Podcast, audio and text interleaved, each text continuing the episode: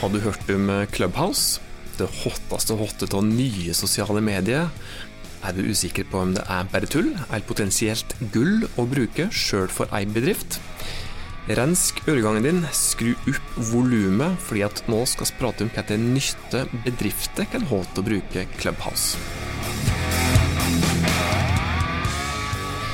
Velkommen til en ny episode av Hauspodden, podkasten til fagfolket i Haus som virkelig brenner for å hjelpe deg med å nå små og store mål som du jobber med, at bedrifter som du jobber i skal nå. Jeg heter Tormod Sperstad. Det er ikke bare jeg som er på plass her i dag, fordi at akkurat nå så er kollega Rune òg på vei inn i studio for å name-droppe et firma som fortjener å bli gjort litt stas på. Men i dag skal vi altså prate om Clubhouse, og det store spørsmålet er er Clubhouse for bedrifter, eller er det bare bortkasta tid? Og det stutte svaret på det er egentlig både ja og nei. Men for å svare litt mer utdypende på spørsmålet, så kommer du da rett og slett an på hva du gjør det til sjøl. Clubhouse kan være en tidstyv, men trenger ikke være det. Passa låe, eller halvullent svar, sier du kanskje nå. Jeg er for så vidt enig i det, og jeg skal selvsagt prøve å svare litt bedre for meg. Men først så skal vi si litt grunnleggende om hva Clubhouse egentlig er. Og spesielt så dette er nyttig for deg hvis du fremdeles ikke har fått tilgang til dette her nye sosiale mediet, og på den måten ikke har fått mulighet til å bli kjent med det som faktisk akkurat nå er verdens mest omtalte sosiale medie. For det er nettopp et sosialt medie, det. Men hva er det helt konkret? Du skal få noen stikkord. Clubhouse er i innspillende stund kun tilgjengelig på mobil.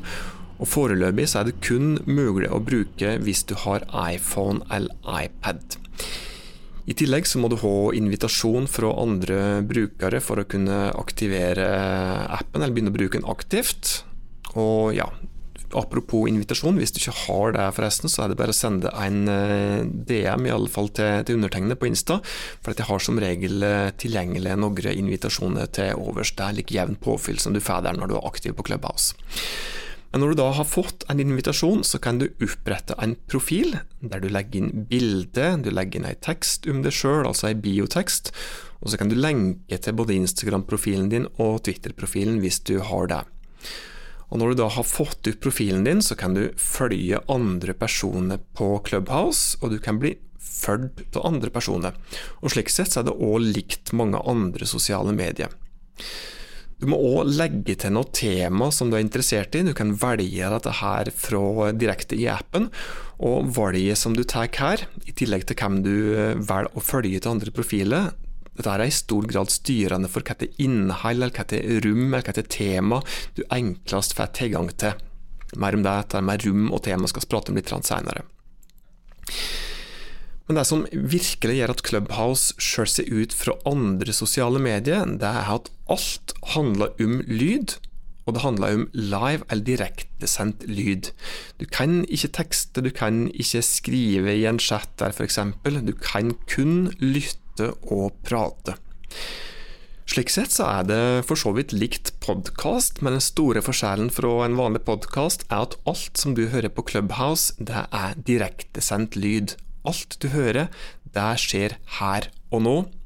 I tillegg så er det da efemerisk innhold, i form til at det da blir borte så fort sendingen eller de såkalte rommet da er avslutta. Men hvordan funka da egentlig Clubhouse, og hva er det de som bruker dette her sosiale mediet egentlig gjør der? For å prøve å forklare dette best mulig, så må jeg nesten prøve å ja, det blir vanskelig å vise det gjennom en podkast, men jeg kan prøve å vise det gjennom å plante noen bilder i hugget ditt. Og Da kan du se for deg at du går inn i et stort hus, ei bygning som vi kan kalle klubbhus, eller clubhouse. da.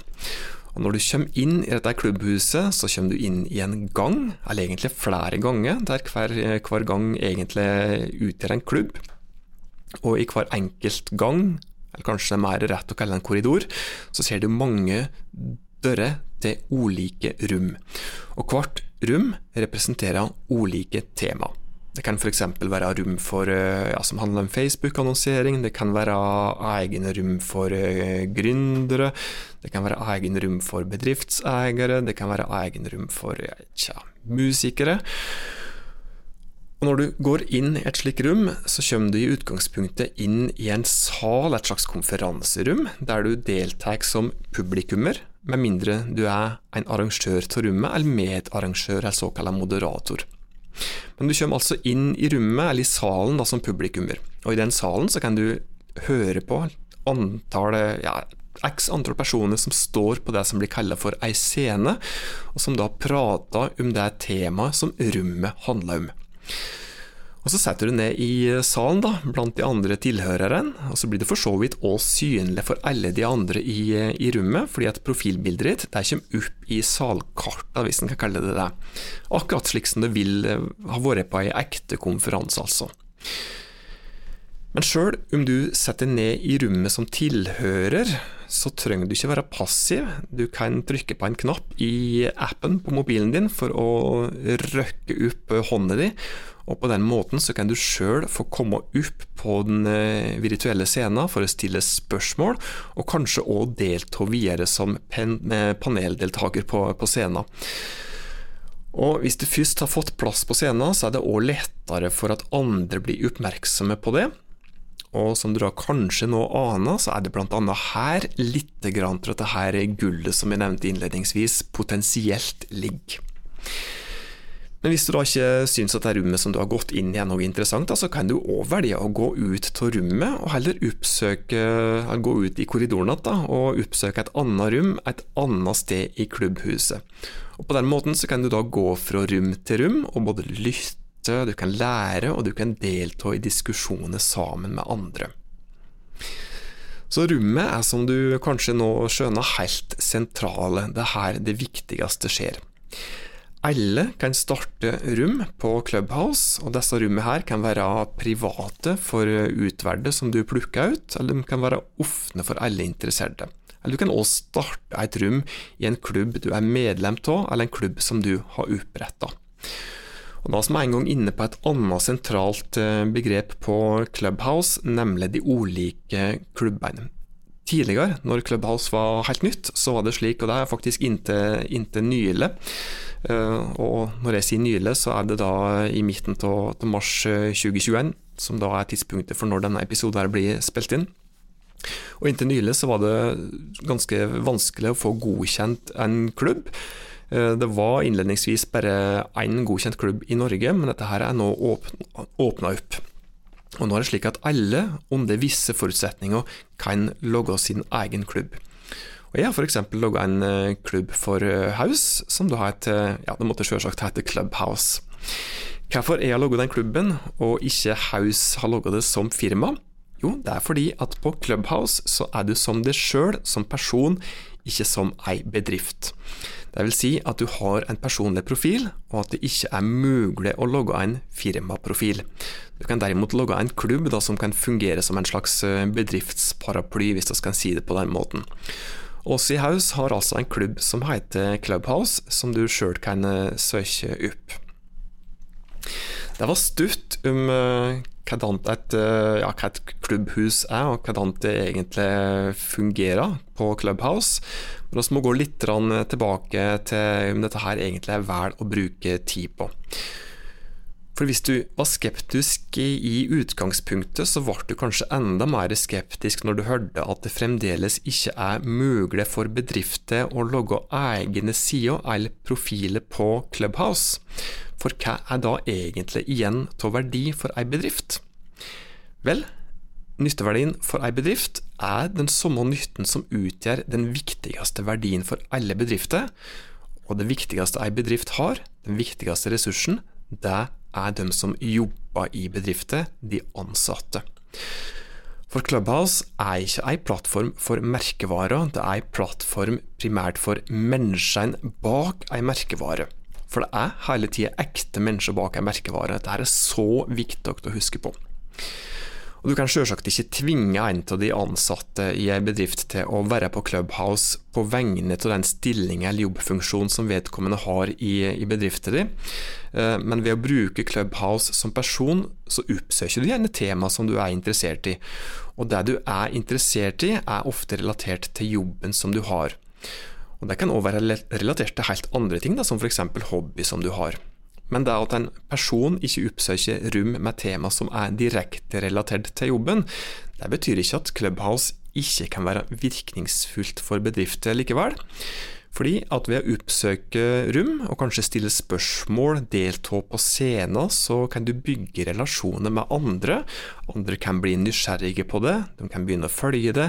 Og når du utvikler relasjoner på den måten der, så er det jo òg etter hvert naturlig å prate med en annen om hva du jobber med òg.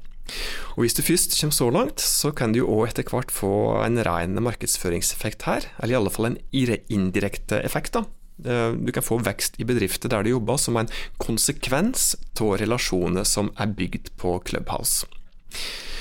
Fyrin, du blir blenda av ordet markedsføringseffekt, som jeg så vidt nevnte, Clubhouse er definitivt ikke stedet du skal praktisere slik helt åpenbar salgspitching, i alle fall ikke om du ikke tilfeldigvis ramler innom et rom som driver med akkurat det.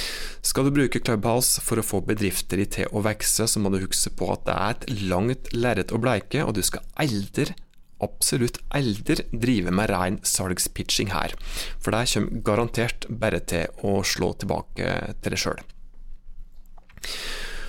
Oss eh, nærmer oss slutten her, men før oss gir oss, så skal du jammen få enda litt mer konkret om eh, nytteverdi, hvis du i egenskap av den jobben du har, da, vil bruke Clubhouse. Og Du kan da bygge relasjoner, da, som nevnt, ved å delta aktivt i ulike rom som er relatert til det du driver med, og så kan du hjelpe andre ved å ause. Yes, jeg mener faktisk ause, ikke bare dele beskjedent av kunnskapene dine. Og denne relasjonsbyggingen bør du først og fremst jobbe med ved å hoste egne rom, enten enslig eller sammen med andre, eller du kan delta på scener i andre rom som en av talerne. Og du kan òg gjøre andre oppmerksomme på at du eksisterer ved å eh, sitte i salen, røkke opp hånda og på den måten få anledning til å stille spørsmål. Og Da kan andre bli nysgjerrige på det, og de kan begynne å følge det, noe som på sikt kan føre til en profesjonell forbindelse. For uansett hvilken kanal det er prat om, så er det viktig å dele kunnskap og hjelpe, og på den måten da bygge gode relasjoner med målgruppa di. Rett og slett etablere deg sjøl som en person som andre kan kjenne igjen som en ressursperson. Eh, en person som eh, folk etter hvert kan kjenne som en som er sterk i faget sitt, en som vet hva kan prate om, en som er til å stole på. Men som jeg allerede har nevnt, da, det er en hårfin balansegang her, altså, mellom å hjelpe og det å bli oppfatta som en som bare driver med dårlige, skjulte forsøk på å selge inn bedrifter som en jobber i. Og Derfor så må jeg nok en gang si dette her, at du skal ikke bruke Clubhouse til å drive med ren salgspitching. Det altså lære eller kunnskapsutvikling er òg noe som bedrifter kan bruke Clubhouse til. Det kan du gjøre ved å oppsøke rom som du er interessert i, og som er relevante for fagområdet ditt, og på den måten så kan du da bruke Clubhouse til å bli enda bedre i den jobben som du gjør. Og Du kan òg oppsøke rom som i utgangspunktet ikke er relatert til jobben som du gjør, fordi at du kan jo fint få innspo og lærdom fra andre tema som du likevel kan dra nytte av i jobben din. Og Du kan gjerne også bruke Clubhouse i arbeidstida di, det kommer jo selvsagt litt an på hva, hva, jobben eh, din går ut på, men det går for de fleste fint an å delta passivt eh, på Clubhouse ved å lytte omtrent som du lytter til en radiokanal eller lytter til en eh, podkast. Men uansett så er det viktig å tenke langsiktig da, når du skal bruke Clubhouse eh, for å få bedrifter til å vokse. Og en som du blir kjent med i dag på Clubhouse, det kan jo ja, det er ikke noe som du kan få business til umiddelbart, men en som du blir kjent med i dag, kan jo like godt være en person som kjenner andre personer, som kjenner andre som har behov for tjenestene dine i morgen eller som kan bli kunden din om ja, fem år. Og ja, som også var inne på, du er ikke på Clubhouse som bedrift, altså. Du er der som person. Og når jeg da sier at eh, en viktig nytteverdi for bedrifter er at du som privatperson bruker tid på å bygge relasjoner ved å dele kunnskap, så blir du kanskje litt skeptisk. Eh, mange liker ikke å blande jobb og privatliv og si at de ikke vil at de som person skal bli forbundet med den rolla som de har i bedrifter der de jobber. Og til det så vil jeg bare si at akkurat det skillet det er uklart fra før. Altså, når du er i butikken, rent fysisk, gjør helgehandelen din og stopper for å ta en prat med folk som du møter der, så tar du jo sikkert en prat om alt mulig rart, ikke nødvendigvis bare jobbrelaterte ting, men du vet jo trolig likevel hvordan du jobber, og på sett og vis så er du jo hele tida en representant for bedrifter på fritida òg, enten du vil eller ikke. Og slik er det òg på Clubhouse. Da har vi eh, prata en god del om Clubhouse. Forhåpentligvis så så hadde nå eh, blitt litt klokere på hva dette her egentlig er for noe til sosiale medier, og på hvilke måter dette her eventuelt kan være til nytte for bedriften din. Jeg nevnte innledningsvis at det var en kar på vei inn i studio, og nå har jeg fått besøk i podkaststudio av kollega Rune. Og Rune, jeg har ei utfordring til deg i dag, og det er ukas framsnakk. Hvilken bedrift er det du vil løfte fram denne uka her? Takk for, uh, takk for deg, Tormod. Uh, jeg tar utfordringa på strak arm, jeg. Uh, I forhold til ukas framsnakk nå, så har jeg lyst til å trekke fram Friks Alvdal. Mange kjenner, i hvert fall lokalt her og i omegn i Nord-Østerdalen her, så kjenner jo mange den kunden som tidligere Taverna Alvdal. Eh, ei veikro på Alvdal med lang eh, historikk og fartstid eh, i mange, mange år. Som har vært en sentralt møtestelle og samlingspunkt for, for reisende i, på rv. 3 og for lokalbefolkninga i Alvdal. De har jo som mange andre det siste året hatt eh, utfordringer i forhold til eh, korona og eh, konsekvensene i forhold til det. Mindre besøk, mindre trafikk. Og det resulterer jo i mindre omsetning. Og klart, det er jo en utfordring skal du drive virksomhet i, i dag. Men de har òg benytta muligheten nå til å oppgradere, pusse opp eh, hotelldelen. De har eh, pussa opp en veldig fin vinterhage, eh, der vi òg bl.a. har vært med, og, vært med på å utforme både dekor, folie og andre ting som har gjort at resultatet har blitt veldig, veldig bra. I tillegg så har de òg etablert en campingplass og bobilplass som de helt sikkert vil få veldig stor nytte av når sommertrafikken nå i 2021 eh, kommer. Så, så, denne ukas framsnakk vil jeg, vil jeg, gi til Friks Alvdal, og måten de har eh, satsa på i vanskelig tid og, og investert eh, i eh, lokalene sine nå til å, til å fremstå på en helt annen måte. Takk for det, Rune. Da har vi kommet til veis ende i denne her episoden av podkasten Hauspodden. Det blir en ny episode om ei uke, og slik litt avhengig av om du hører på dette i kronologisk rekkefølge, så må jeg bare si det at uh, nå er det jo nøyaktig et år siden Norge ble stengt ned omtrent for fullt for første gang. Og jeg må nesten bare drive litt reklame for den neste episoden vår, for der er det ei spesialepisode der oss eh, tar en prat med ei av de bedriftene i Norge som ble absolutt hardest ramma, og fremdeles er brutalt ramma av denne her shutdown, denne her pandemien her. Hva er bedriften? Ja, det får du vite hvis du hører på den neste episoden av Hauspodden. Inntil oss høres neste gang, ta godt vare på det og dine.